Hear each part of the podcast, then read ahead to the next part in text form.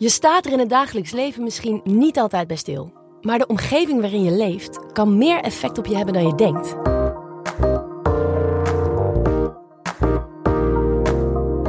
Ik ben Nienke de la Rivebox. Welkom bij de RIVM-podcast Leefomgeving en Gezondheid.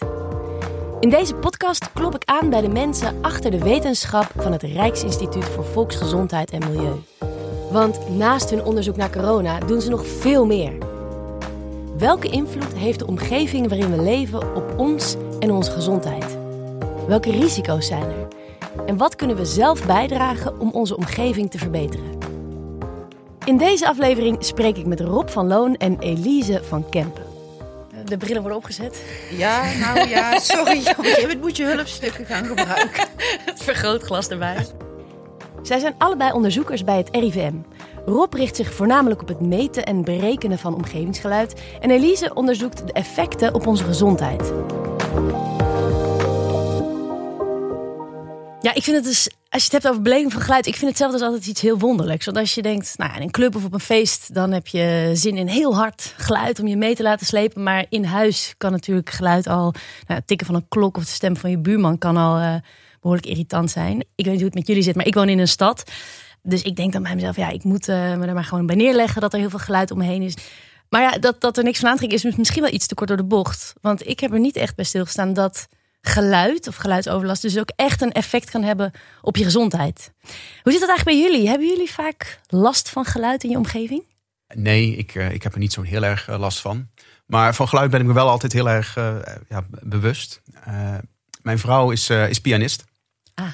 En, en nou, piano maakt behoorlijk wat, wat geluid, kan ik zeggen. Maar wel streling voor het oor, over het algemeen, toch? Ja, ja, ja. ja, ja. Ja, door corona we zitten allemaal meer thuis. Dus ja. geluidsoverlast heeft misschien ook wel weer een nieuwe dimensie erbij gekregen wat dat betreft.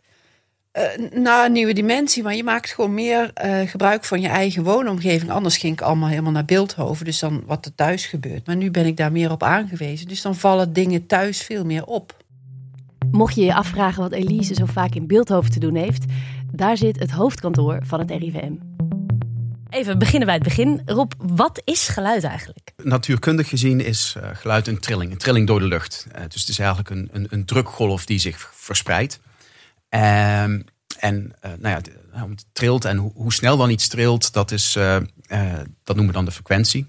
en het menselijk oor kan geluid waarnemen, nou ja, zeg vanaf 20 hertz, dus dat is 20 trillingen per seconde, tot 20 kilohertz, 20.000 trillingen. Best wel een groot bereik. Dat is een enorm groot bereik.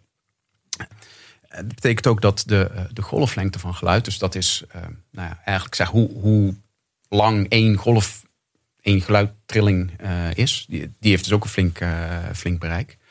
niet, niet alleen van frequentie, van aantal trillingen per seconde, maar ook gewoon van luidheid. Ehm, en daarom drukken we dat uit in een, een logaritmische schaal en dat noemen we decibellen. De decibellen. Dus het is niet zo absoluut te zeggen.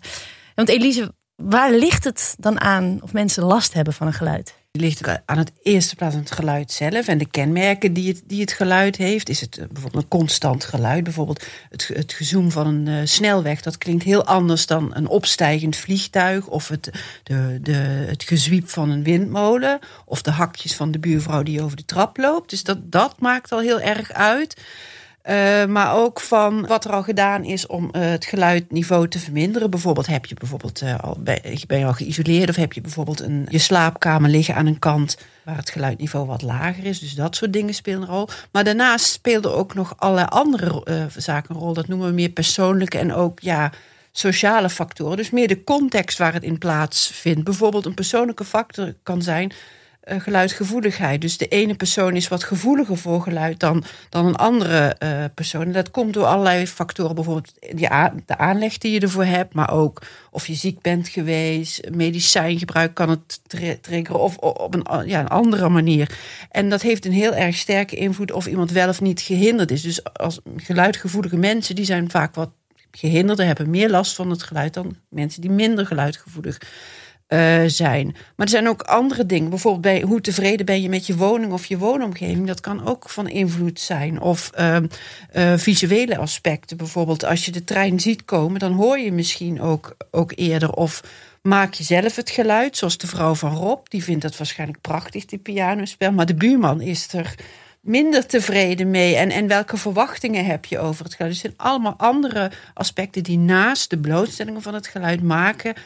Uh, of en hoeveel mensen, hoe vaak mensen, in welke mate mensen er last van hebben. Ja, en dat lijkt me eigenlijk daarin ook wel heel lastig te meten eigenlijk. Als je zegt dat je met zoveel verschillende aspecten ja. van doen hebt. Ja. ja. Eh, kan je een soort uh, ja, overzicht maken? Of kan je noemen van wat voor soort omgevingsgeluiden mensen nou het meeste last hebben? Uh, nou ja, de meeste mensen, en dat is ook eigenlijk wel logisch, die, die hebben het meeste last van het geluid van wegverkeer. Verder vinden we pieken heel erg vervelend. Dus bijvoorbeeld een brommer of een vrachtauto of een vliegtuig dat opstijgt. Uh, laag frequent geluid of stationair brommen of draaiende motoren. Dus echt bromtonen en zo, dat vinden we ook heel erg uh, vervelend. En als RVM vragen we dat ook regelmatig aan mensen. Dus dat, ja, dat doen we dan met vragenlijsten. Dat doen we tegenwoordig zelfs ieder jaar. En dat is dan door middel van een landelijk onderzoek, het uh, onderzoek Beleving Woonomgeving. Dat, dat kunnen jullie allemaal vinden op onze website. En uh, als je kijkt naar de laatste meting, die van 2019, dan bleek dat ruim 10% van de mensen ernstige hinder ondervindt van, van wegverkeer. En een hele goede tweede zijn de buren met 9%. En dat is best veel eigenlijk. Ja, dat is het ook best. Zoals, en dan is dit een landelijk onderzoek. En dan heb ik het nog niet eens over bronnen die lokaal meer een, eh, een rol spelen. Zoals bijvoorbeeld treinverkeer of ja, misschien ook windmolens. Want uh, die, landelijk spelen ze niet zo'n rol. Maar als je inzoomt en lokaal gaat kijken bij mensen die aan, een spoorlijn wonen. dan kan dat wel eh, degelijk een rol spelen voor die mensen. Dat ze er last van hebben.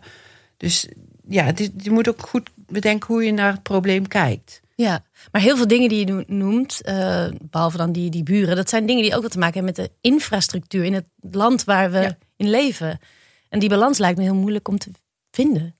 Ja, ja klopt. Het is ook een, voor een deel een ruimtelijke ordening uh, probleem. Uh, en nou, als je naar de woonfunctie kijkt, zijn er een aantal plekken die je vanuit geluid misschien zou willen vermijden. En dus niet te dicht bij een, bij een snelweg, niet te dicht bij het spoor, niet te dicht bij bij, bij grote industrieterreinen. Want nou ja, daar komt gewoon een hoop geluid vanaf. Um, maar, maar bij een trein is dan wel een, weer een interessante. Want uh, ook, ook uh, treinen maken lawaai. Dus daar wil je dus ook uh, niet te dicht bij, bij het spoor bouwen. Maar ja, iedereen wil toch wel dat een treinstation midden in de stad eindigt. Ja, dat je niet te ver van het station vandaan Nee, dus de trein moet een keer door de bebouwde kom heen. Ja. Ehm, dus ja, dat, dat, dat blijft, uh, blijft schipperen met uh, welke belangen je, ja, je af gaat wegen en hoe je dat doet.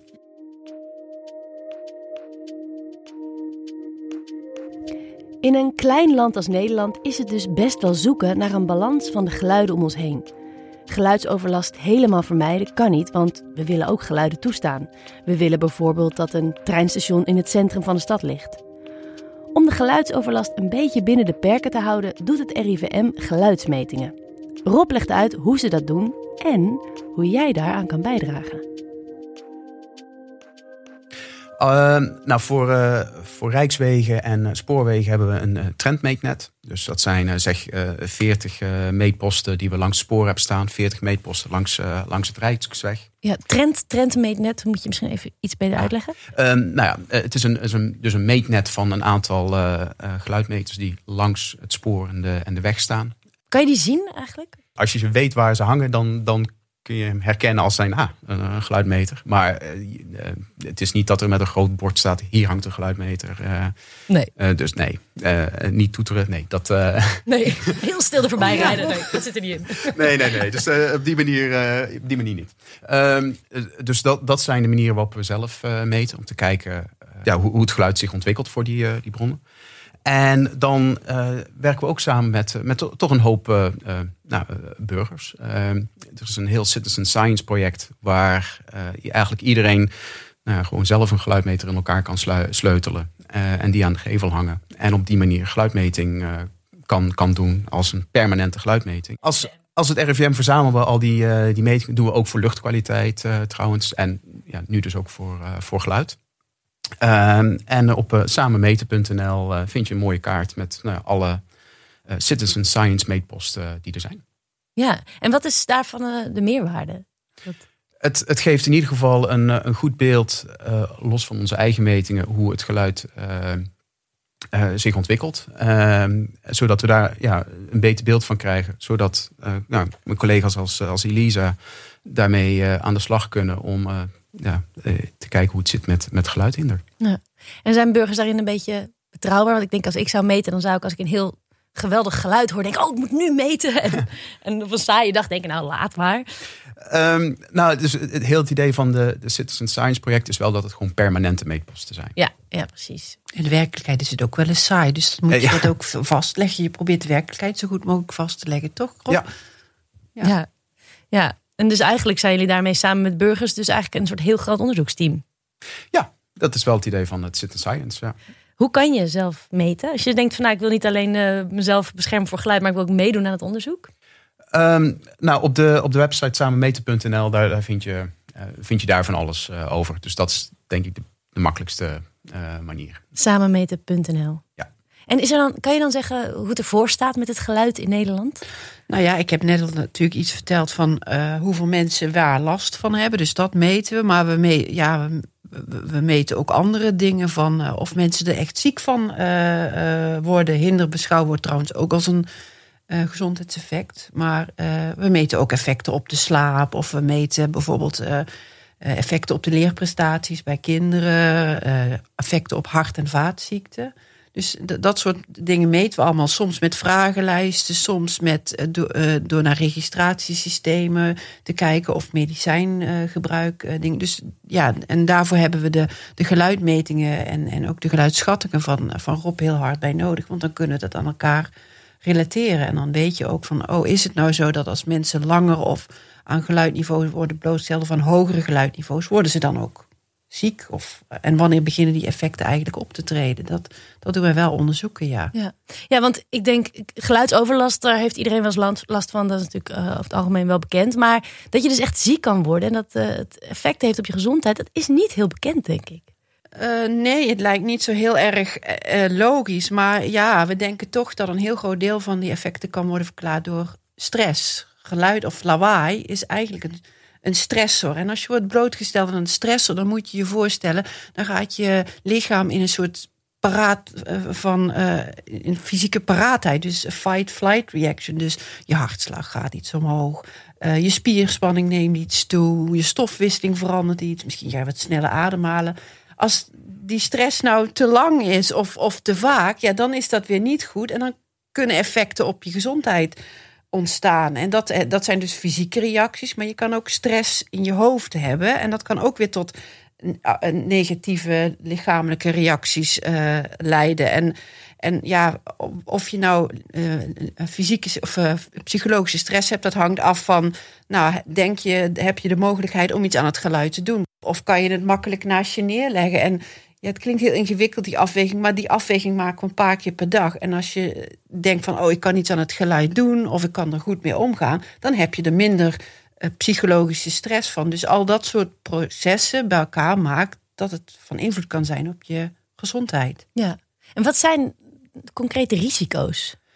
Nou ja, de, de, de, we meten dus verschillende effecten. En effecten als hinder, dat kan al optreden bij ongeveer 40 decibel. Vanaf die uh, geluidniveaus treden. Wat, wat is 40 decibel? Nou je, moet je voorstellen, nou, je moet je voorstellen, een gesprek wat wij nu hebben is ongeveer 50 decibel. 50? Ja. dus wij kunnen elkaar nu een gezondheidsprobleem aanpraten? Nou, dat hoop ik niet. Ja, het gaat er ook om dat je, maar, dat je lang eraan blootgesteld of dat het net is de druppel die de emmer doet overlopen. Maar meer ernstige effecten, daar denken we van dat die bij hogere niveaus uh, optreden. Bijvoorbeeld een effect als hart-vaatziekte. Vroeg dachten, nou, dat treedt pas op bij 60, misschien 70 decibel. Maar ja, we hebben de laatste tijd veel onderzoek gedaan. En uh, in 2018 heeft de WHO gezegd, nou, zo'n effect zou al op kunnen treden bij 53 decibel. Elise noemt hier WHO. En die afkorting staat voor World Health Organization, oftewel Wereldgezondheidsorganisatie. En om dan je een idee te geven hoe erg dat is, we hebben geschat dat in Nederland ongeveer 6,1 miljoen mensen zijn blootgesteld aan geluidniveaus van wegverkeer van 53 decibel of hoger. Dus dat is 36 procent van de bevolking is toch wel aan uh, ja, geluidniveaus blootgesteld die, uh, waarbij je kans maakt op gezondheidseffecten. Ja, en, je, en je, want je vergeleek net met dit gesprek, maar dan gaat het dus echt over geluid wat, wat echt hinderlijk is, wat constant is. Bijvoorbeeld. waar je dus geen invloed op, op hebt. Ja, ja, dat, zo moet je dat een beetje zien. Ja. ja. En wat zijn de gezondheidsrisico's? Je noemde al hart- en vaatziekten, maar... Uh, nou, hart-vaatziekten, maar er zijn ook effecten gemeten bij kinderen, de leerprestaties. Uh, bijvoorbeeld rond, uh, dat hebben we een hele tijd geleden gedaan bij kinderen rondom Schiphol.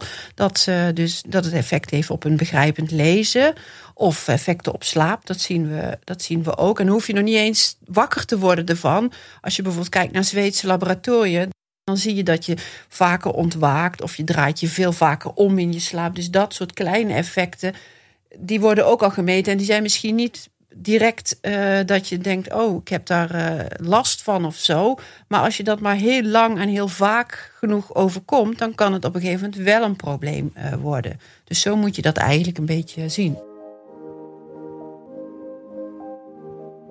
Ik vind het interessant wat Elise hier zegt. Geluidsoverlast is niet alleen vervelend, het kan ook echt schadelijk zijn voor je gezondheid. Het lastige hierbij is dat geluidsoverlast nooit veroorzaakt wordt door jezelf, maar altijd door een ander.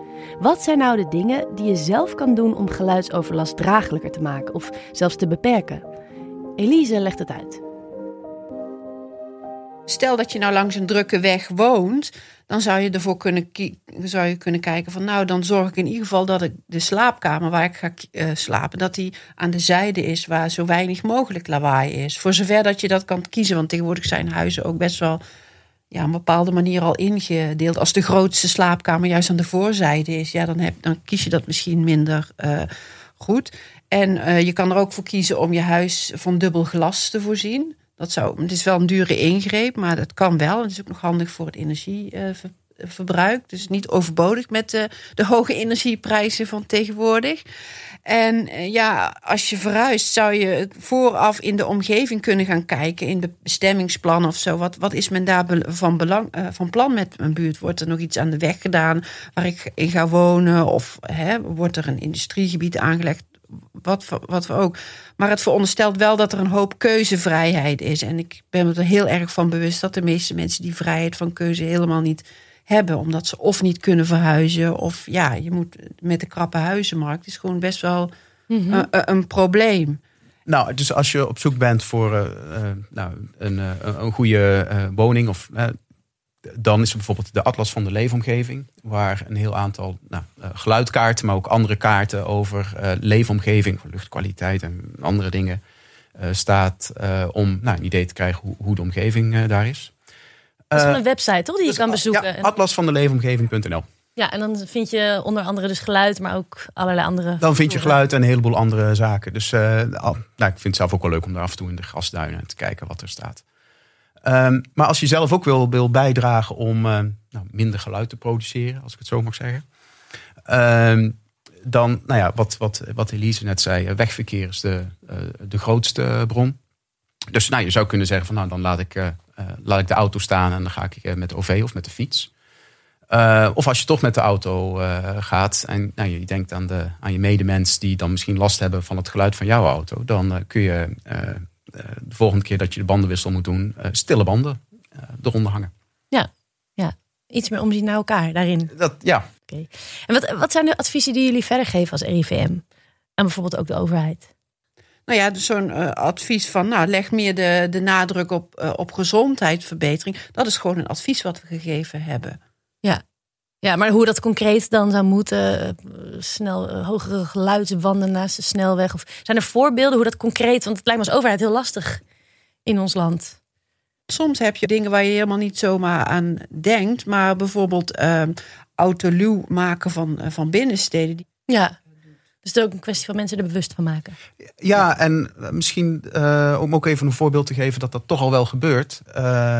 Eén keer in de vijf jaar worden uh, geluidkaarten gemaakt. Dus de, de grote bronbeheerders, dus Rijkswaterstaat, ProRail, uh, die maken dan geluidkaarten. Uh, die zijn overigens berekend. Um, en een heleboel agglomeratiegemeenten, grotere gemeenten, die doen dat ook over nou, al het verkeer en dingen die, die in hun gemeente speelt. En daaraan gekoppeld zijn ook actieplannen waarin nou ja, de, dan de bronbeheerder of, of de gemeente moet gaan aangeven van nou op deze plekken vinden we het eigenlijk toch wel te veel. Uh, dus nou, in de komende tijd gaan we dit en dat of zus of zo. Het kan stille afvalt uh, zijn. Kan misschien zijn dat ze wel geluidsschermen gaan zetten. Nou ja, andere dingen. Ja. Dus op die manier is er wel aandacht voor. Ja, dus als je het maar ook gewoon in kaart brengt, dan weet je ook waar wat gedaan moet worden. Daar begint het mee, ja. ja. En dan hebben we natuurlijk deze over geluid dat een negatieve invloed heeft op je gezondheid. Kan geluid eigenlijk ook gewoon een hele positieve invloed hebben? Ik moet denken bijvoorbeeld aan muziek, maar... En muziek waar je dan van geniet, dat, uh, ik geloof dat het ongelooflijk een uh, positieve invloed heeft. Of uh, nou ja, als je naar buiten in de natuur loopt en vogeltjes hoort fluiten. Ja, dat, ja, dat, is, dat is ook onderzocht. Hè? Ze hebben ook onderzocht welke geluiden prefereren mensen. Want we hebben het natuurlijk nu de hele tijd over negatieve uh, effecten en door ongewenste geluiden. Maar het zijn ook gewenste geluiden. En dan zie je dat mensen natuurgeluiden, dus bijvoorbeeld een uh, klaterend beekje of een fontein of een zeebranding, nou, dat, dat vinden mensen, dat prefereren mensen heel erg. Uh, en andere natuurgeluiden. En ze hebben ook gekeken van, nou, uh, wat heb je liever, menselijke geluiden of mechanische geluiden? Ja, ze horen toch liever menselijke geluiden, dus het gelach van kinderen of dat soort dingen, in plaats van uh, de ventilator uh, die staat te loeien. Dus dat is wel echt onderzocht met vragenlijsten of in een laboratorium of ja, weet je, mensen die herinneringen uit hun jeugd ophaalden. Zo is het wel een beetje in kaart gebracht wat mensen daarvan vinden. En zou je dat ook nog kunnen toepassen op een of andere manier?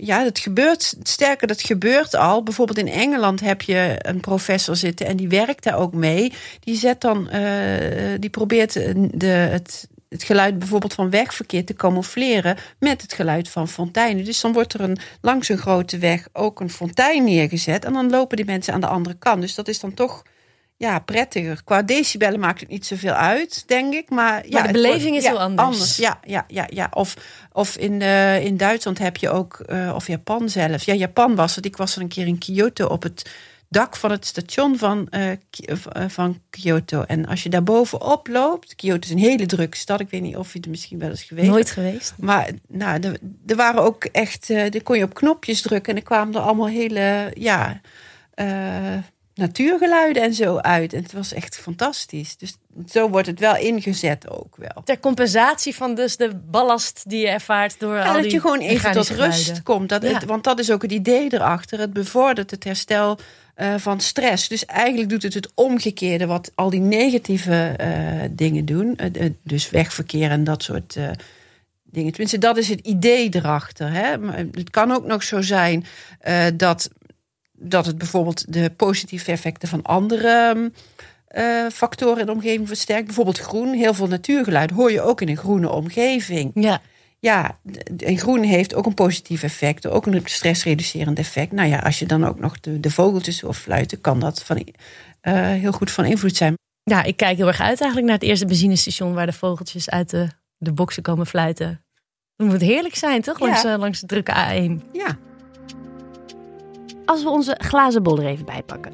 Het lijkt steeds drukker te worden, maar tegelijkertijd worden bijvoorbeeld vervoersmiddelen stiller. Elektrische auto's, elektrische scooters. Wat kunnen we nou verwachten in de toekomst?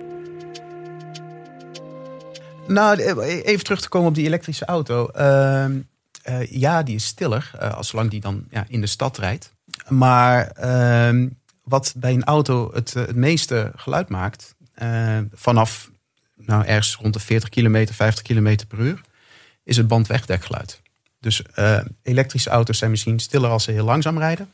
Maar uh, eenmaal op een snelweg of een provinciale weg maakt het niet zoveel meer uit. Dat maakt geen verschil. Nee. Dat is even jammer.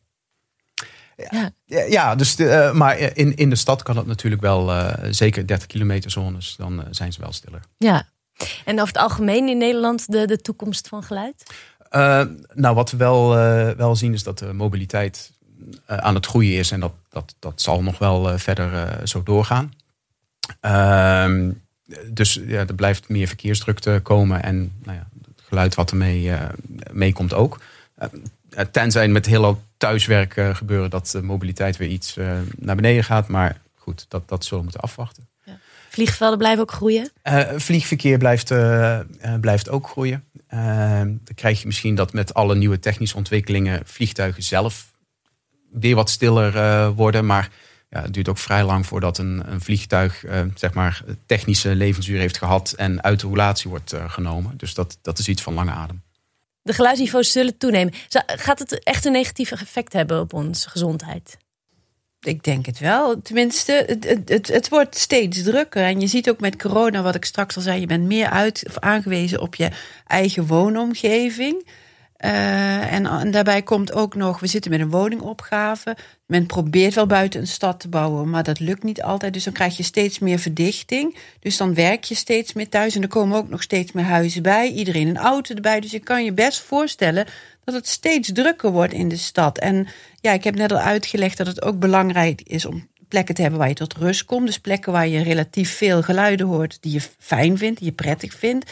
Maar als, als dat wegvalt, of dat is, je hebt steeds minder van die plekken, ja, dan kan je je voorstellen dat dat niet uh, positief bijdrage leidt of geeft aan het herstellen van stress en zo. Dus in die zin is het, kan het wel een probleem uh, geven. En dan hebben we het nog niet eens gehad over nieuwe geluidbronnen die optreden door klimaatverandering. Uh, het wordt steeds warmer, dus meer mensen hebben een airco en, en, of een warmtepomp. En, en dat wordt echt wel het probleem van de toekomst. Waar mensen last van de, gaan De airco van de buren? Ja, of je eigen airco, ja. Ja, ja zeker als je nou, een heel aantal buren hebt die allemaal een warmtepomp op het dak hebben staan. Ja, dat hoor je allemaal van elkaar. Ja, dus dan wordt geluid en geluidsoverlast dus eigenlijk misschien ook wel een steeds aanweziger probleem of dilemma waarschijnlijk worden er wel stil, steeds meer mensen ja, er bewust van uh, dat er een, ja, misschien een constante ruis of uh, dat er wel meer geluid is. Ja. ja. En wat is er dan belangrijk om uh, dat, dat wetende, om wat zouden we moeten doen? Jij noemde net stil, stille ruimtes.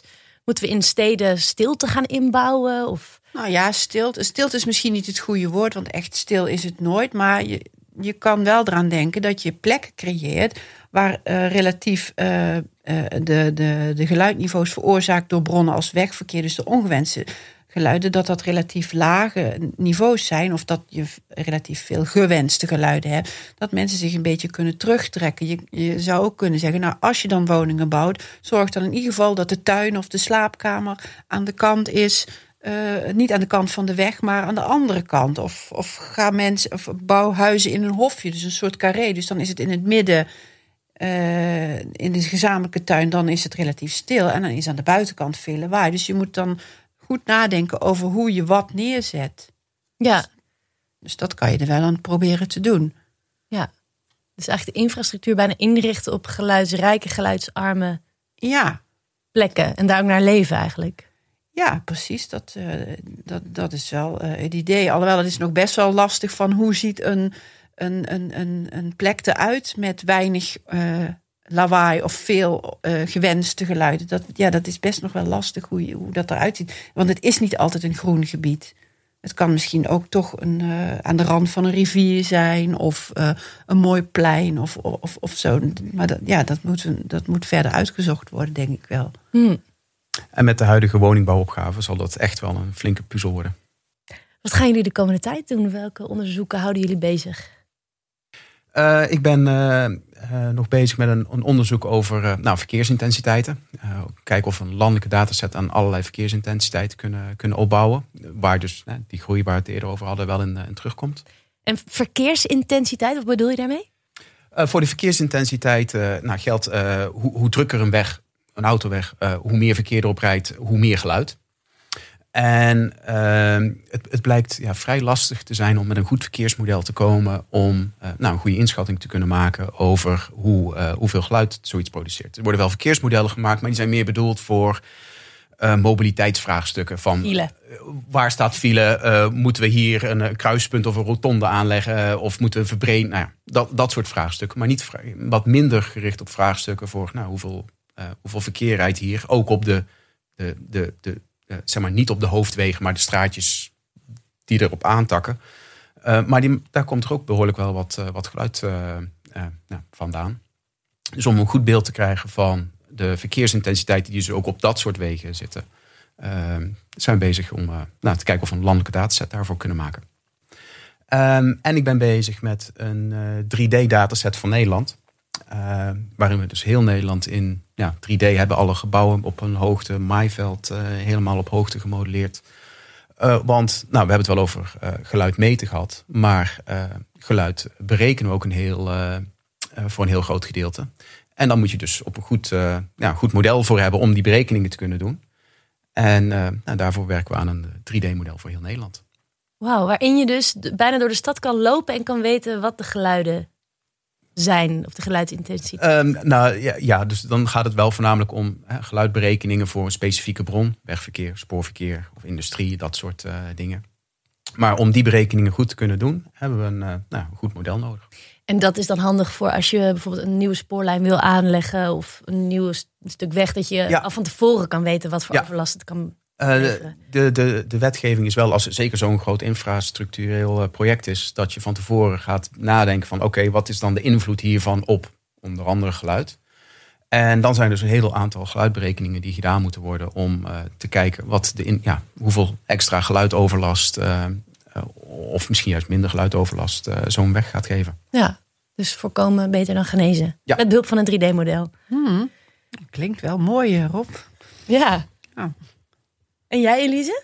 Uh, nou ja, van alles. Uh, zelf houd ik me ook bezig, onder andere met uh, de effectiviteit van interventies. Ik bedoel, ik zal je verbazen, we doen heel veel onderzoek naar de effecten van geluid op gezondheid. En met mij heel veel collega's in de wereld. Maar als we kijken naar de effectiviteit van interventies op de gezondheid van mensen, dan weten we daar eigenlijk nog best weinig van. En het is ook nog heel weinig op een systematische manier onderzocht. Dus uh, ja, dat gaan we dus verder uitzoeken. We zijn ook bezig met onderzoek bij. Wat bedoel je dan met de kwaliteit van interventies? Nou, van zorgt, zorgen de plaatsing van een geluidsscherm er nou werkelijk voor dat mensen die aan die weg wonen ook echt minder gehinderd worden door het geluid. Je kan wel meten dat het aantal decibellen minder wordt, maar het gaat eigenlijk om het effect op de gezondheid. Worden ze er ook gezonder van? Of heeft het minder effect op hun gezondheid? Dat wil je weten. En dat is klinkt heel raar, maar dat is eigenlijk nooit echt goed uitgezocht. En ja, wij proberen dat nu wel uh, goed uh, uit te zoeken. Dus dat is een van de dingen die ik, die ik onder andere uitzoek. En naast dat het RVM kijkt naar de effecten van geluid, kijken we ook naar de effecten van trilling. Dus ik ben nu bezig met een groot landelijk onderzoek naar de effecten van trillingen en geluid van treinen bij mensen die dicht langs het sporen uh, wonen. Dus ja, wat heeft het voor invloed? Hoe, hoeveel last hebben ze ervan en dat soort dingen. Dat, eh, dat zijn we nu aan het onderzoeken. Wat goed. Ja. En dan komen we eigenlijk weer aan het begin. Ja. Wat de oorzaken zijn van hinder en overlast. Ja. En het begrip helpt daarbij. Ja. Dank jullie wel voor, uh, voor dit gesprek. Ik ben een stuk wijzer. Ik denk dat ik de volgende keer als ik last heb van mijn buurman... dan zet ik gewoon het geluid van vogeltjes aan. Nou, wie weet of van deze leuke podcast. ja, precies. jullie, uh, jullie zoetgevoiste stemmen die me dan kalmeren. Ja. ja. Hartstikke goed. Succes met jullie onderzoek. Ja, graag gedaan. Dit was de RIVM-podcast Leefomgeving en Gezondheid. Geproduceerd door Dag en Nacht Media. Wil je meer weten over wat het RIVM doet op gebied van leefomgeving en gezondheid? Ga dan naar rivm.nl of volg het RIVM op Instagram, Twitter en Facebook. Kijk in de show notes voor de juiste links. In de volgende aflevering spreek ik met Joke Herremans en Arjen Wintersen, allebei onderzoekers bij het RIVM. Met hen ga ik praten over de vraag waarom er schadelijke chemische stoffen zitten in veel van de producten die we dagelijks gebruiken.